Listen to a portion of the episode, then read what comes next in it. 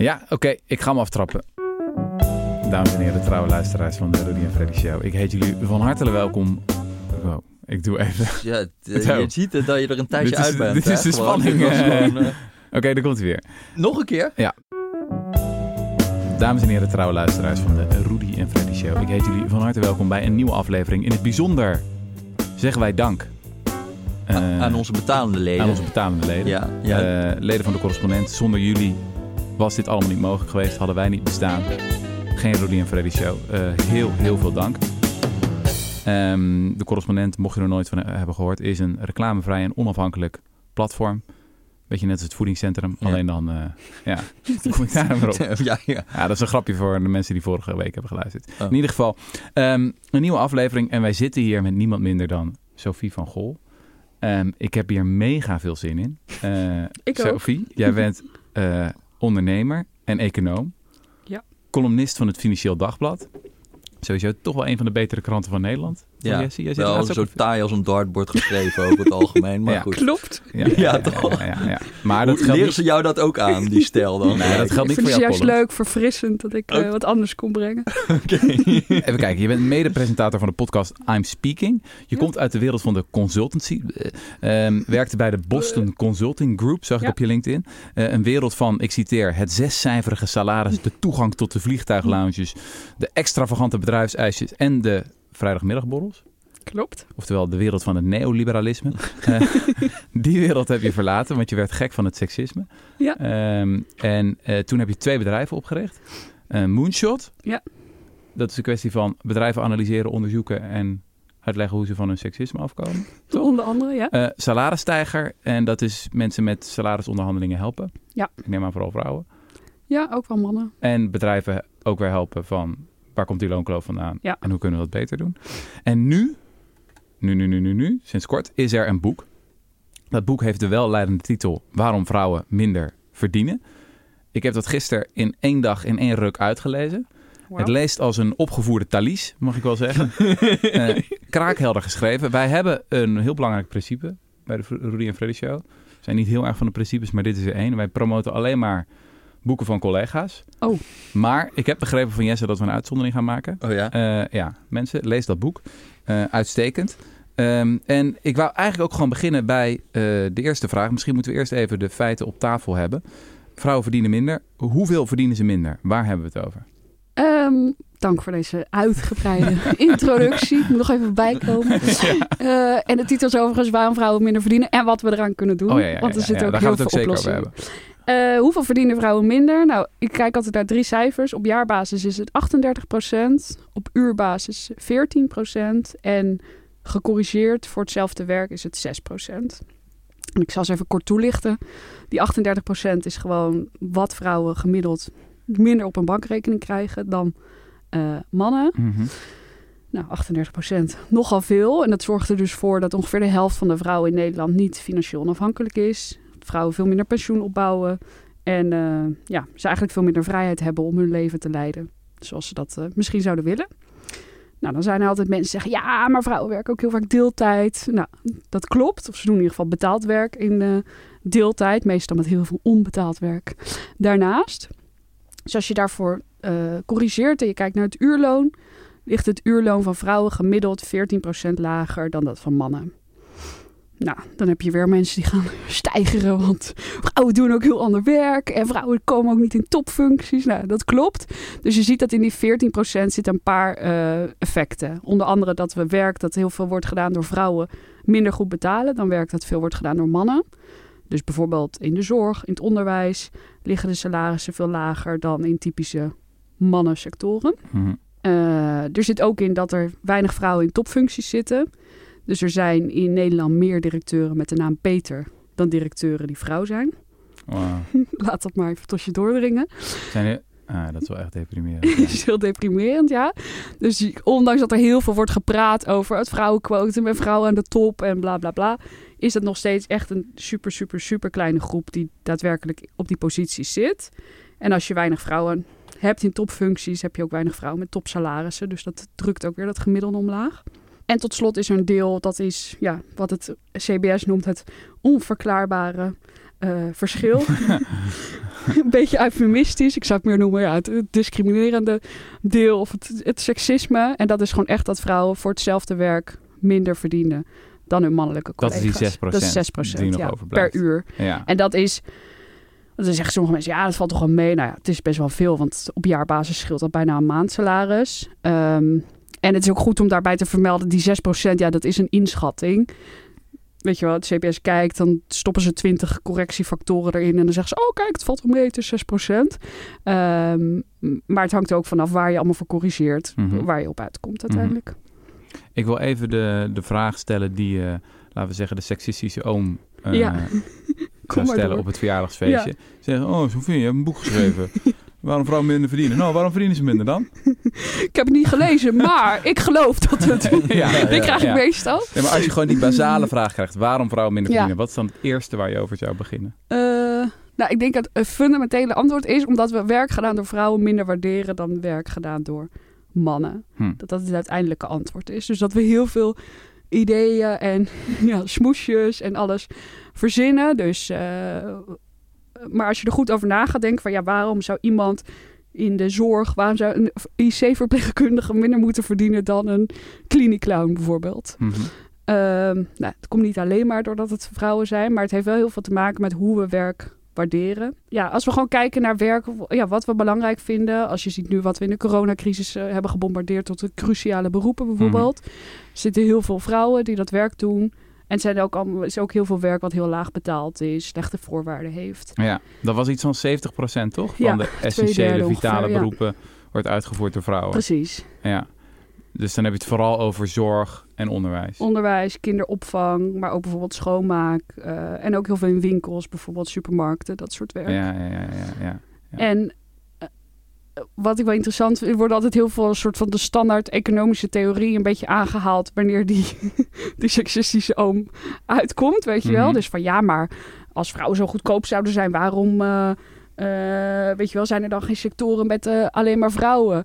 Ehm, maar aan de andere kant zie je dat die logica heel vaak niet opgaat. Want er zijn hele grote tekorten aan verpleegkundigen of aan leraren. En toch wordt er niks aan gedaan om die salarissen te verhogen. Ja, ja, ik vond dat een heel interessant te passage in je boek. Jess en ik hadden daar gisteren ook al wat discussie over. Je had de wet van Sullerot aan. Ja. Dat was een Franse feministe Ja, in de jaren. 60. En die beschrijft ja, een soort van economische wet. Die zegt werk door vrouwen wordt eigenlijk standaard minder gewaardeerd dan werk door mannen. En Ja. je haalt in je boek ook onderzoek aan waarin, waaruit zou blijken dat elke 10% meer aan vrouwen in een beroepsgroep leidde tot een daling van 7 tot 8% in het salaris. Ja. Dus bijvoorbeeld, eh, wat is het, computernerds, dat waren vroeger veel vaker vrouwen. Ja. Eh, volgens mij, het woord computer, dat was vroeger ook niet een machine. Hè? Dat computer was gewoon de vrouwen die het werk deden van data. Ja, invoeren. ja. Is heel interessant. Maar in ieder geval, ehm, dat is natuurlijk veel meer een mannelijke beroepsgroep geworden. Ja. En de wet van Sullerot zegt dan, eh, de salarissen zullen omhoog gaan, want dan wordt het meer gewaardeerd. Ja. Ehm, ik vond dat wel redelijk fascinerend. Ja. Is het ook. En het is ook wel redelijk triest, want het laat ook wel zien hoe moeilijk het is om hier wat aan te doen. Dus hoe eh, diep die oorzaken liggen, zeg Ja. maar. Je ziet dit, het voorbeeld dat jij geeft is eigenlijk de andere kant op gegaan. Maar het meeste zie je het dus bij beroepen zoals het onderwijs, eh, de zorg, eh, de rechterlijke macht bijvoorbeeld, wat vroeger typisch mannenberoepen waren, best wel goed betaalde, veel aanzien hadden. En over de tijd is dat geshift naar veel meer vrouwen. Mhm. Eh, en in diezelfde tijd is dus ook het salaris gedaald en het Hm. aanzien eh, Hm. best wel gedaald. Wat dacht jij ervan, Jesse, van die wet van Sullerot? Nou, ik was benieuwd, want je hebt dat boek van Claudia Golden nu ook. Ja. Die heeft over career en family en dan over heel, heel Amerika en Ja. zo. En haar idee is volgens mij een beetje dat een heleboel van de problemen zitten in dat ehm, je eh, in feminine beroepen, dat daar gewoon dat er een hele erge voorkeur is voor flexibiliteit. Ja. En dat je dus eh, een lager salaris krijgt, maar meer flexibiliteit Ja. in die beroepen. En dat je dat steeds meer ziet dat je beroepen krijgt die helemaal eh, vrij inflexibel zijn. Advocatuur en zo geeft ze al als Ja. voorbeeld. En beroepen die heel erg veel flexibeler Ja. zijn. En, eh, want dat kan ook een verklaring zijn van die Ja. wet van Sullerot. Dus dat je dan dat je eigenlijk eh, ja, alternatieve soort van eh, ja, flexibiliteit eigenlijk krijgt in plaats van salaris. Ja, nee, klopt. Dat noemde die onderzoeker ook. Dat dat een beetje een soort van trade-off is. Dus oké, we gaan je dan... weet je, het salaris gaat misschien een beetje omlaag... maar je krijgt in ruil daarvoor meer ja, vrijheid of tijd... die je zelf in kunt delen. Maar ook daarbij kun je weer heel veel voorbeelden verzinnen... waar dat helemaal niet op gaat. Of beroepen waar heel veel eh, tijd wordt gevraagd van mensen... Eh, denk ook maar een soort van beroepen in de nieuwe economie. De flitsbezorgers, de eh, Uber-chauffeurs die altijd beschikbaar moeten zijn. En alsnog heel weinig betaald Maar krijgen. zijn dat niet mannenberoepen ook meer dan? Jawel, maar het zijn als een, ik bedoel het is niet dat zij beloond worden voor die Ja, flexibiliteit ja, ja, oké. bijvoorbeeld. Ja. Maar waarom zouden vrouwen flexibeler moeten zijn? Dat vind ik Nou ja, al omdat je een- dus, omdat je dus eh, we een hele oneerlijke verdeling hebben in het thuiswerk. Ja, precies. Ja. Ja. Ja, Dus dan is dat alsnog... Ja, Dat tuurlijk. Maar dan, het ja. is wel heel erg de vraag, een beetje de, in, het, in de uitleg. Want ook toen ik door jouw boek zat, zat ik te denken van... je zet heel erg op het seksisme van werkgevers. Ja, Maar moet je niet eigenlijk juist een soort van onderhandelen met je partner meer dan Ja. met de werkgever nog? ja, ik denk dat dat wel heel belangrijk is. Maar dat dat ook wel eh, lastig is zolang zeg maar die sociale normen en structuren niet veranderen. Mhm. Omdat, eh, nou wat jullie ook in eh laatst eh, hebben besproken van het verlof bijvoorbeeld voor moeders en vaders, zolang dat heel, daar hele grote verschillen in zitten. Weet je wel, in Nederland krijg je als vrouw als je een kind krijgt 16 weken Mhm. verlof volledig betaald. En als vader of partner krijg je vijf of zes weken en dat is maar deels betaald. Ehm, 70% 70 procent, ja. Dus vooral voor mensen met lage inkomens, waar vaak ook die ongelijkheid tussen man en vrouw het nog het grootste is, die kunnen dat misschien zich niet eens veroorloven om dat op te nemen. Mhm. Dus ja, dan kun je als vrouw wel gaan proberen te onderhandelen met je partner. Maar als je partner zegt, ja, maar ik verdien veel meer en voor mij is het niet vergoed om het op te nemen, dus hoe gaan we dat doen? Ja, Mhm. wat is dan de oplossing, zeg maar? Ja, ja. Ik Maar- was benieuwd hoe jij kijkt naar de statistiekjes van jonge vrouwen. Ja. Dus laten we zeggen de, de twintigers in Nederland. Ja, Het CBS rapporteerde een tijdje geleden dat jonge vrouwen tegenwoordig meer verdienen per uur gemiddeld dan jonge mannen. ja, En dat komt doordat ze vaker hoog opgeleid zijn. Gewoon het beter doen in het onderwijs. En wat dan wel opvallend is, dat is het statistiekje dat eh, onze vriend Sander Schimmelpenning tot in een treuren aanhaalt. Waar hij el- elke week de column over schrijft. ehm, dat jonge vrouwen al voordat ze aan kinderen Ja. beginnen besluiten om deeltijd te gaan werken. ja. En dat dat verschillend is ten opzichte van andere Europese landen. Ja. Dus dat in andere Europese landen ze vaker beginnen met fulltime werken. En dat er eerder dingen veranderen als Als de kinderen komen. Maar dat in Nederland gewoon al vrijwel meteen die hoogopgeleide vrouwen die een lekker uurloon krijgen, sterker nog ietsje hoger dan, dan jonge mannen. Ja. Dus blijkbaar een onverklaard verschil nog. Ehm, ik was benieuwd hoe je naar dat soort statistiekjes kijkt. Ja de- dat is mijn vraag. Hoe groot is dat verschil precies? Ja, bijna niks. Het is echt een procentpuntje hier of daar. Ja, het is niks, maar het is in ieder Ja, geval opvallend. Want je, in die, ik bedoel, in al die databases vind je alleen maar verschillen ten faveur van de man. Ja, En voor het eerst ineens zie je het de andere kant op uitstaan. Ja. Voor één specifieke leeftijdsgroep. nee, maar ook hoe groot is dat verschil in parttime werken tussen mannen en vrouwen onder die... Weet je dat of niet? Ja, had ik mijn huiswerk beter moeten doen. ja. Nee, want volgens mij is dat niet zo heel groot, maar ik weet de cijfers niet Mhm. uit mijn hoofd. Maar wat je ziet, dat, dat beschrijf ik ook in mijn boek, dat deeltijdwerken is iets dat best wel typisch Nederlands is voor Ja. mannen en vrouwen. Dus in heel veel landen is dat helemaal niet, bestaat dat helemaal niet, zeker niet voor hoogopgeleide banen. Mhm. In Nederland zie je dat het wel mogelijk is en dat het voor hoger opgeleiden is het vaak een beetje zo van, nou, ik kan het me veroorloven, weet je wel, om vier dagen in plaats van vijf dagen te werken. Ja, waarom zou ik dat niet doen? Nou, Mhm. maar je ziet ook dat het in die sectoren waar heel veel vrouwen werken, dus ook weer die zorg, kinderopvang en zo, soms ook een soort van ja, verdienmodel, zeg ik tussen aanhalingstekens, is voor eh, werkgevers. Dus dat het vaak ook samenhangt met best wel flexibele of nul-uren contracten. En dat die mensen, meestal dan vrouwen, worden gevraagd van oké, je moet eh 40 uur beschikbaar zijn bijvoorbeeld. En dan word je misschien zoveel uur opgeroepen. Mhm. Of dat het soms ook een soort van eh, besparingsmaatregel is. Ook in het onderwijs hoor je dat best wel veel. Dat het zo is van, ja, we weten dat je wel vijf dagen hier aan kwijt bent.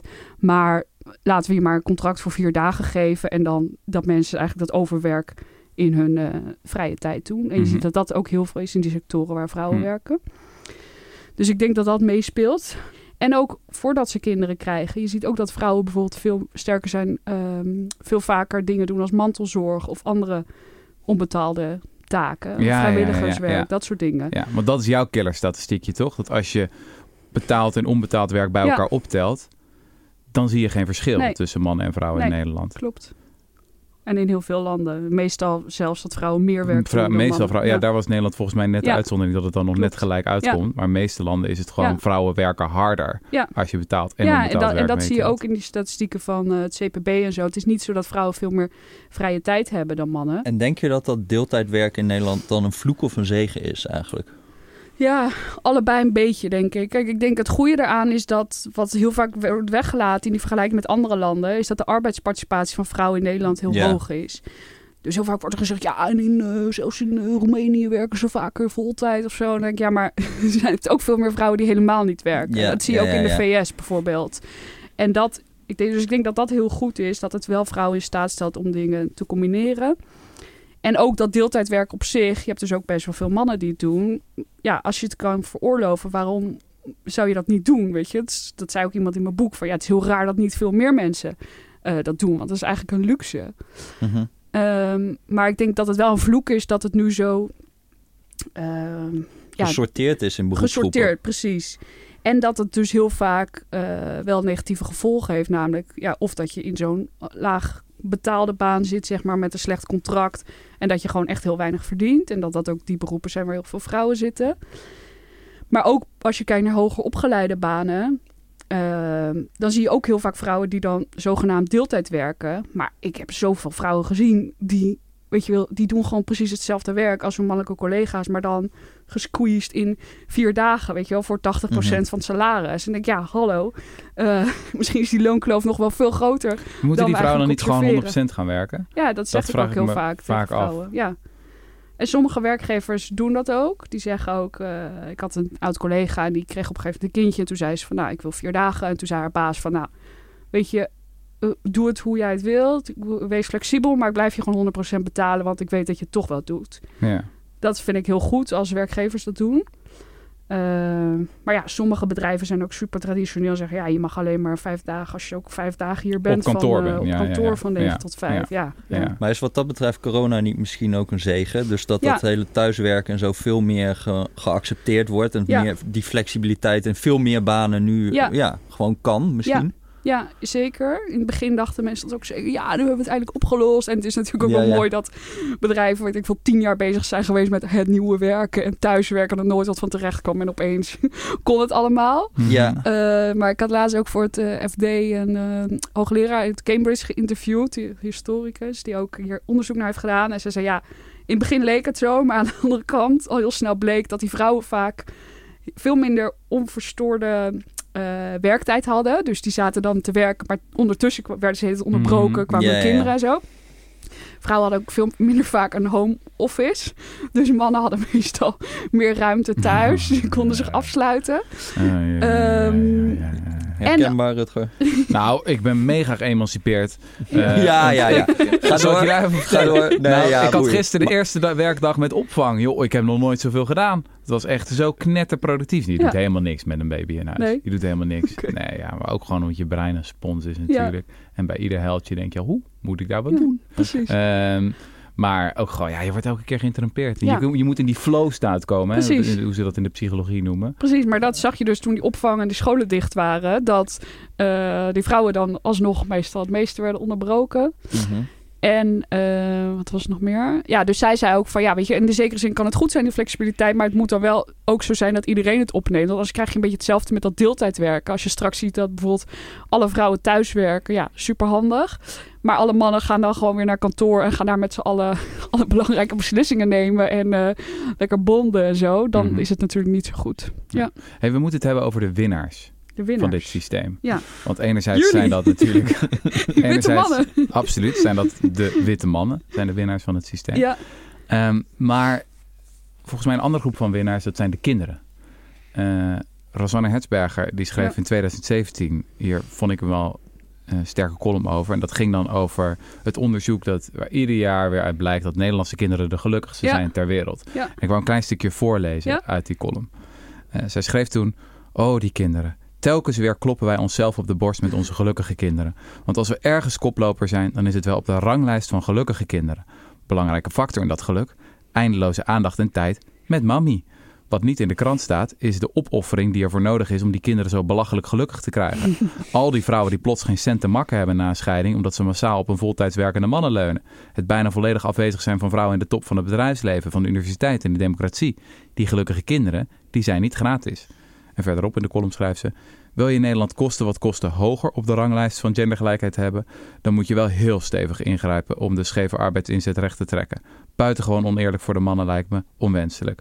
Dan maar voorbijgestreefd worden. Het is de nadrukkelijke keuze van de Nederlandse vrouw. Um, dat is een punt dat door Marieke Stellinga in NRC ook al vaker is gemaakt van... Ja, er heerst een soort van moeder-kind-mammy-cultus of zo in, Mhm. in Nederland. Ja. En ik was heel benieuwd, want jij zet je daar fel tegen af, denk ik, in je, in je boek. Hoe jij dit soort columns leest. Of, of dit soort verhalen van, ja, ik denk dat zij zichzelf ook wel feministen zouden noemen. Ja. Maar hun oproep is meer van, hé hey, vrouwen, kom op, wij moeten gewoon die kinderen wat ongelukkiger maken. Ja, Of maar dan denk ik, waarom doe je die oproep alleen Ja. aan vrouwen? Die kinderen zijn toch ook van die mannen? ja, zeker, ja. Eh, Daar, dat is waar ik me vooral aan stoor. Want ik denk van... In dit hele verhaal, eh, welke columns je ook bijna leest... het zijn Ja. altijd de vrouwen die zeg maar de dupe zijn. Want of... eh, en dat is niet alleen in columns... maar dat is ook heel veel in het, in het debat hierover. Dus dan is het of een vrouw, weet je wel... oh, ze werken niet genoeg, ze zijn lui, ze moeten meer uren werken. Ja. Nou, vrouwen die fulltime eh, blijven werken als ze kinderen krijgen, nou, die worden ook van alle kanten bekogeld, want het zijn geen eh, goede moeders. Ehm, dus er wordt heel veel gekeken naar de vrouw, zeg maar, en individuele vrouwen. En we zien het niet genoeg, vind ik, als maatschappelijk vraagstuk waar we allemaal een rol in spelen. Mhm. En mannen worden heel vaak buiten gelaten. Want dan denk ik, ja, hoezo moeten die kinderen per se ongelukkiger worden? Je kan ook zeggen van, wauw, we zijn zo'n rijk en welvarend land waar mensen het blijkbaar zich kunnen veroorloven om niet 80 uur per week te werken, maar ook genoeg tijd hebben voor hun kinderen. Maar waarom kunnen we het niet wat gelijker verdelen? En waarom kunnen mannen niet ook vier dagen of drie dagen gaan werken? Mhm, Ehm, en kunnen mannen en vrouwen hun inkomen wat eerlijker verdelen? mhm. Mhm. We Ja. hadden een developer bij de correspondent Ja. en die had een column geschreven. En dat ging over dat hij eh, vader was geworden. Eh, Daan heet hij trouwens, eh, was vader geworden. En ehm, hij had heel erg voorgenomen samen met zijn vrouw van we gaan het 50-50 Ja. doen. Dat was heel belangrijk. En wat een grote tegenvaller was voor hem in die eerste weken, eerste maanden, dat het hem gewoon niet lukte. Ja. Dat elke keer die baby uit zijn handen werd gegrist door zijn vrouw. Nou Ja. goed, dus dan kan je zeggen, dat is een specifiek individueel voorbeeld. Maar in je boek eh, citeer je ook Mark van Ostaaien, eh, wat is het, socioloog? Socioloog, ja. Die zegt dat er in Nederland een romantische, Ja. romantisch moederschapsethos heerst. En bij dat soort passages dacht ik van ja, helemaal mee eens. Hè? Ik bedoel, absoluut 100% moet je zelf verantwoordelijkheid voor de vader. Drie maanden vaderschapsverlof lijkt me de standaard. Ja, Wat mij betreft gaan we dat eh, wettelijk regelen. Ja. En tot die tijd, als je het zelf kan doen, doe het. Ehm, maar het lijkt mij toch ook de, de verantwoordelijkheid van, de, van best wel wat moeders om, om de vaders te zeggen van, nou mag jij het doen. Ja, weet ja, je wel? ja. Dus ik, ik, ik vroeg me af nee, zeker. hoe Omdat ook... kijkt. Ja, nou ja, ik heb er zelf nog geen ervaring mee, maar binnenkort eh, kan ik er meer over Ja, dat is vertellen. misschien wel leuk om te vertellen. Je bent eh, Hoogzwanger. hoogzwanger. Ja. We hadden de podcast een week later, was denk ik risicovol geweest. Ja, vandaag was ook wel spannend, maar ook tot nu toe gaat het goed. Ehm, ik heb het hier ook, kreeg laatst ook van een vriendin van mij hierover een hele rant, ook via WhatsApp. En die zei, van- want ik had mijn laatste column eh, voor mijn verlof geschreven over, nou die heette Papadag. En dat Ja. ging ook hierover. En dat een collega van mij jaren geleden, die vertelde dat eh, hij en zijn vrouw, ze hadden drie kinderen. Ze werkten allebei drie eh, vier dagen. En elke keer dat, hij, dat ze dat vertelde aan mensen, dan zeiden mensen tegen hem van... Jeetje, vier dagen met jouw baan en kan dat wel? Hmm. Oh, wat goed van je. En eh, elke keer dat zijn vrouw dat vertelde, dan zeiden mensen... Jeetje, vier dagen met drie kinderen, is dat niet veel te Oh, veel? Ja, ja, ja, ja. Oh, en dat is volgens mij de essentie van dit vraagstuk. Ja. Gewoon hoe we nog steeds heel verschillend kijken naar de rol van eh, moeders en vaders. En dat heel veel stellen, net zoals jullie collega's, zich dus voornemen om het gelijk te gaan verdelen. Maar dat dan in de praktijk niet lukt. En dat heeft te maken, nou, deels met het verlof, maar ook heel erg met die sociale normen, gedrag, Ja. verwachtingen ook van de buitenwereld. Eh, en ik Maar, vind het- dat komt toch ook van dat leger van momfluencers? Ja, dat hele wel, romantische ja. moederschapsethos. ja, Die op Instagram, weet je wel, aan het showen zijn. Hoeveel aandacht ze besteden aan de hechting. Want de hechting absoluut. is zo belangrijk. ja, en, En- ook die vaders helemaal weglaten van hun Instagram. Ja, inderdaad. nee, We zeker. hebben meer dadfluencers nodig. Ja, maar die vriendin van mij staat dus ook te appen van ja, dat ze zich er ook zo aan stoorde dat het dan wordt gedaan alsof de moeders het niet uit handen willen geven. Want zij zeggen van ja, dat wil ik dolgraag, maar de omgeving eh, staat het niet toe, weet je wel. Dus als zij de kinderopvang zeggen van ja, je moet mijn man bellen, dat doen ze gewoon niet. Ja. En dan proberen ze haar te bellen, kunnen ze er niet bereiken. Is niet dat ze denken, oh, we gaan hem proberen. Nee, dan bellen ze gewoon nog tien keer totdat ze een keertje opneemt, weet je wel. Dus Ja. dat zit zo diep, dat is zo lastig om te veranderen. Wij hadden heel bewust dat, dat zeg maar, ik de aanmelding had gedaan Ja. bij de opvoeding. Ja. Eh, op, oh, sorry, dat ik de aanmelding had gedaan bij de opvang. Dus eh, ja, mijn naam als eerste, Ja. weet je wel. Mijn rekeningnummer staat allemaal, Ja. da, da, da, en dan ergens wel verstopt. Partnernaam. nou, we werden gisteren gebeld. Ja. Maar ja, mag je raden wie gebeld Ja. werd? Eh, ja. Herkenbaar, Ja. ja. Dat dan toch standaard. Hey, en als je denkt aan oplossingen, hè, Ja. waar moeten we dan allemaal aan denken? Nou, een heleboel. ja, ik denk dat waar we het nu al een beetje al, al wel veel over hebben gehad, die gelijkwaardige verdeling van zorgtaken tussen mannen en vrouwen, dat dat echt heel belangrijk is. En Mhm. dat de overheid daar veel actievere rol in moet spelen. Dus dat verlof voor vaders, maar ook die kinderopvang beter moet regelen. Hoe lang moet dat verlof voor vaders zijn, wat jou betreft? Ja, even lang als voor moeders zou ik zeggen. Ja. En met verplichte opname ook. Ja. Dus ja, ja. Ja, dus niet dat je kan zeggen, oh, het mag ook Laat door de vrouw worden opgenomen. Want dat heb je volgens mij in Duitsland of zo, dat je kan kiezen Klopt, wie het ja. opneemt. En dan gebeurt Maar dan er is- niks. In de praktijk toch nog vooral de Klopt, moeder die het ja. opneemt. Dus als je die cultuur wil doorbreken, Ja. dan is het gewoon, oké, take it or leave it. Het is voor jouw man. En, anders en als je het niet doet, dan niks. Is het weg. precies. Ja. En het liefst ook dat ze het alleen opnemen.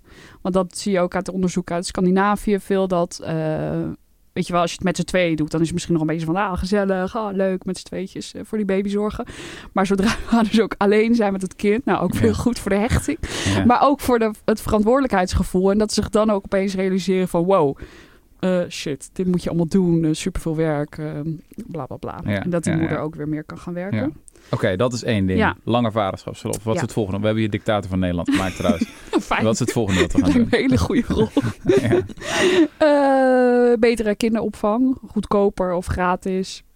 En zonder die hele toeslagen, drama natuurlijk. Mhm. Ehm, en waarvan het ook gewoon normaal wordt dat je je kind er naartoe brengt. Want ik denk dat dat nu ook heel erg...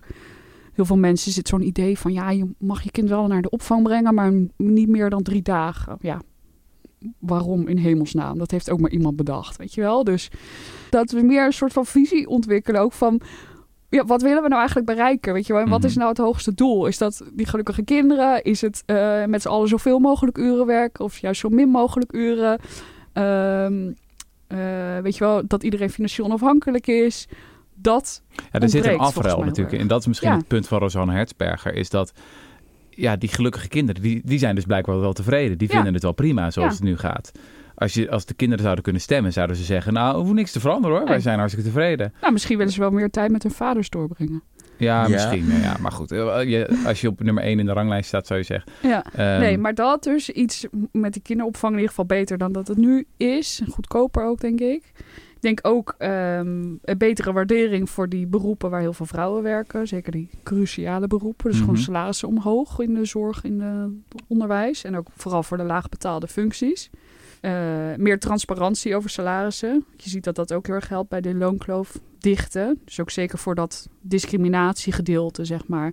Dus mensen die echt hetzelfde werk doen. Vaak weet, nou, de meeste mensen weten niet van hun collega's hoeveel ze betaald krijgen. Dus dan kan je ook niet weten of je genoeg krijgt. Gewoon op Ja, is bedrijfsniveau. dat zo? Want ik had een paar van die papers daarover gelezen... dat Ja. ze in Oostenrijk en zo dat ook hadden ingevoerd. Ja, En dat je daar niet heel erg veel effect zag of zo. Dus dat hadden ze bij de grootste bedrijven gedaan. En Ja. dan hadden ze vergeleken mensen die net onder die werknemersgrens zaten en net erboven. ja. En dan zag je niet heel erg veel effect. Nee? En in sommige landen ook wel, maar dan ging het mannensalaris werd gematigd, zeg ja, maar. ja, ja. In eh, IJsland hebben ze dat volgens mij gedaan. Ja, Ja.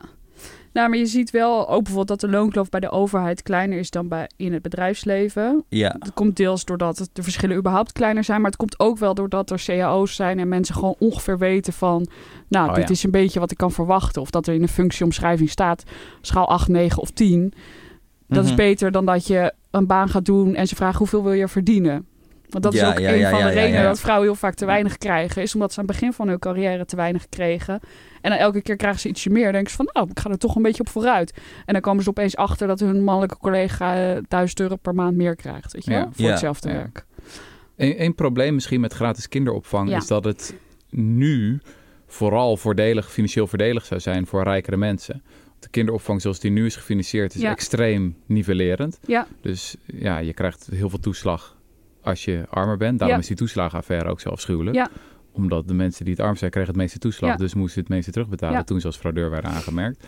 Eh, maar als we dat nu gratis zouden maken, dan is dat vooral een cadeau aan de hoogopgeleidere, rijkere ouders. ja. Dus zouden we dat dan op een andere manier weer recht moeten trekken? Maar ik denk voor de lagere inkomens dat het... Ja, misschien is het uiteindelijk wel gratis. Of bijna gratis met die toeslagen. Maar het is in ieder geval wel gebleken dat dat systeem zo Ja, nee, ingewikkeld zeker. en ja, verschrikkelijk ja. is dat dat eruit moet. Ja. En ik denk dat het ook wel wat aan de sociale normen kan veranderen, zeg maar.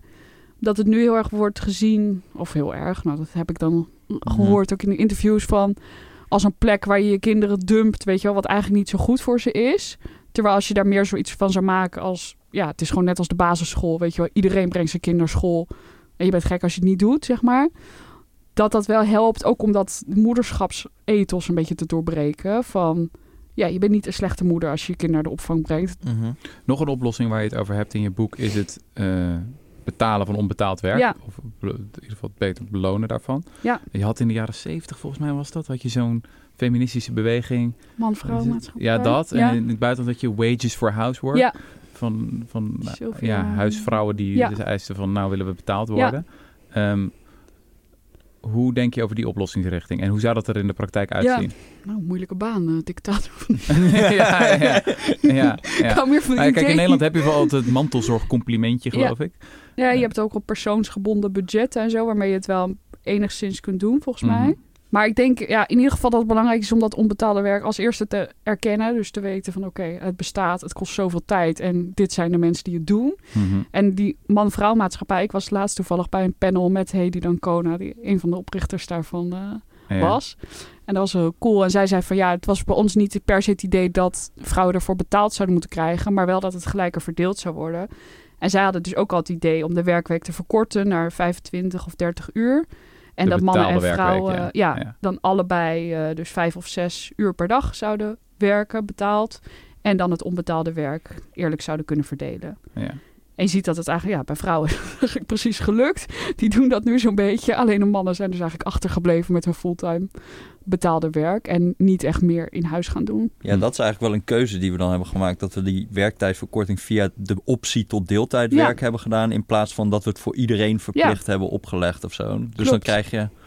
Werkweekverkorting zou sowieso al wat meer nivellering tussen man en vrouw brengen. Dan, toch? Dan, dan wanneer je het als een optie geeft, dan krijg je al die sortering nog meer en zo. Nee, Hm. klopt. Eh, wat ik interessant vind in je dictatoriale benadering Ja. van deze problematiek, ehm, is dat je volledig zit in de focust. beschrijving van mijn boek?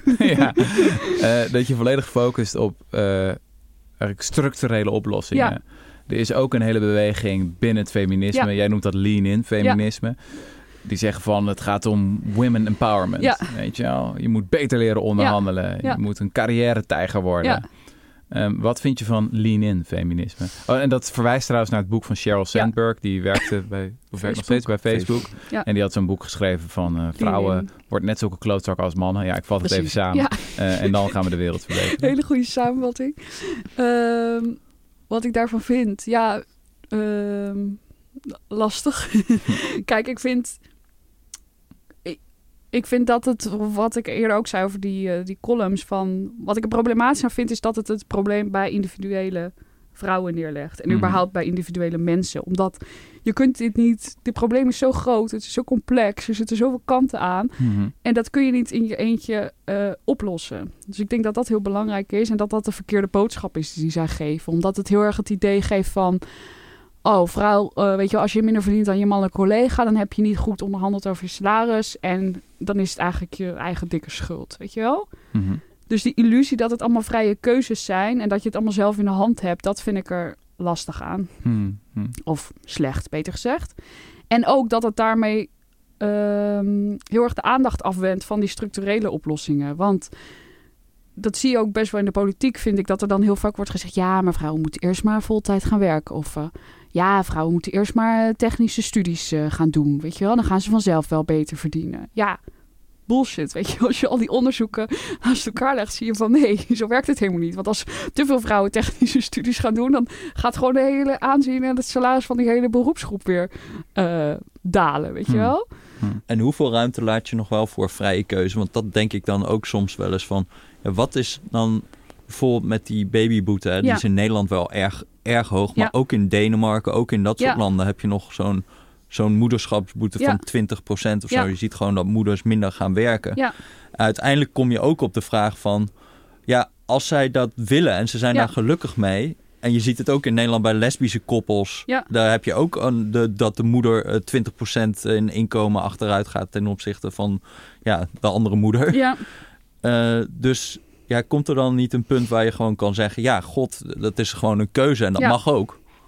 ja, vast wel. Maar dat punt zijn we nog lang niet, wat mij betreft. Nee, oké. Dus dan denk ik, ja, ga eerst maar eens proberen met beleid, eh, weet je wel, echt gelijke kansen en vrije keuzes te creëren, weet je wel, door nou, al die oplossingen waar we het net over hadden. Ja, als je dan dat allemaal hebt gedaan en je ziet nog steeds verschillen, misschien dat je op een gegeven moment kan zeggen, Ja. ja, tuurlijk, mensen maken ook eigen keuzes. Maar ik denk dat we daar echt nog Ja, lang, ja, ja. lang niet zijn. Ja, ja, ja. ja, en misschien kom je dan ook weer op nieuwe ideeën. Ja, Ik bedoel, nu zeg je, dit zijn de eerste stappen. Laten we eerst maar eens fatsoenlijk vaderschapsverlof, ja, kinderopvang goed regelen. Nou, als je daar dan bent. ja. Ehm, boeken we vooruitgang? Is er progressie? Eh, ja, maar heel, heel, heel langzaam. Dus je ziet wel bij de loonkloof, die wordt wel steeds ietsje kleiner. Mhm. Nou, en waar enorme progressie is geboekt in onze nou, of, eh, o- o- afgelopen generatie, zeg maar, is vooral in het onderwijs. Dus dat vrouwen gewoon enorm succesvol zijn geworden eigenlijk in het onderwijs, in het hoger onderwijs. Veel vaak, of niet veel vaker, maar nu vaker afstuderen dan mannen, betere cijfers, sneller en zo. Eh, Mhm. dus dat is wel echt progressie. Eh, maar verder, ja, die loonkloof wordt ietsje kleiner, maar dat gaat gewoon waanzinnig Ja. langzaam. Ik heb soms het idee dat er echt de grote slagen zijn eh, geslagen. Hoe zeg je dat nou? Ja. Eh, in, in de jaren 50, 60, 70, Ja. misschien 80 nog. Ik bedoel, tot 56 waren vrouwen formeel handelingsonbekwaam. Tot 86 schrijf je in je boek. Hadden gehuwde vrouwen niet dezelfde recht op sociale zekerheid. Ja, maar ja, dan kom je een beetje in dat neoliberale lean-in tijdperk terecht. En je zou je kunnen afvragen wat er sindsdien is gebeurd. Ja. Nou ja, misschien ook wel de, de, de opmars van het eh, romantische moederschapsideaal trouwens. ja. We boeken dus wel vooruitgang, het gaat alleen te traag. Ja, en ik denk Ja. dat je gelijk hebt dat het eh, die generaties ook dat er heel veel activisme was en dat er ook duidelijke wetgeving kwam, weet je wel, een abortuswetgeving, maar ook eh, ja, die sociale zekerheid, pensioenen, ehm, gelijke beloning. Dus dat er Ja. heel duidelijk stappen werden gezet. En dat misschien ook de generatie daarna een beetje dacht van nou, het is klaar, weet je wel. Op papier zijn we ook wel ongeveer gelijk. Het gaat allemaal heel goed. En dat hopelijk onze generatie en die daarna weer een beetje zich realiseert van hallo, eh, we zijn nog lang niet. Waarom hebben we nou nog steeds nul keer een vrouwelijke premier gehad? Waarom zitten er nog steeds zoveel Peters eh, aan de top? Waarom Ja. verdienen we nog steeds minder, ook voor hetzelfde werk? Ja, Dus dat dat nu weer een beetje op begint te komen. ja mooi. Ja. Nou, wij roepen de luisteraars van de Rudy en Freddy Show eh, op om jouw boek te lezen. Eh, waarom vrouwen minder verdienen. En wat we eraan kunnen doen. Ja. Ik vond het echt een topboek. Ja. Eh, Jesse, ik dank je voor je constructieve bijdrage Ja, van vandaag. dank- Dankjewel. Eh, ja. Ik denk dat we gewoon over vier, vijf jaar maar weer een podcast moeten doen. Ja. En dan eh, ja, Waar we staan. kijken waar we staan. Oké, Nou, tabé. Tabé, tabé. Tabé. toeledoki. Dank jullie wel. Word lid.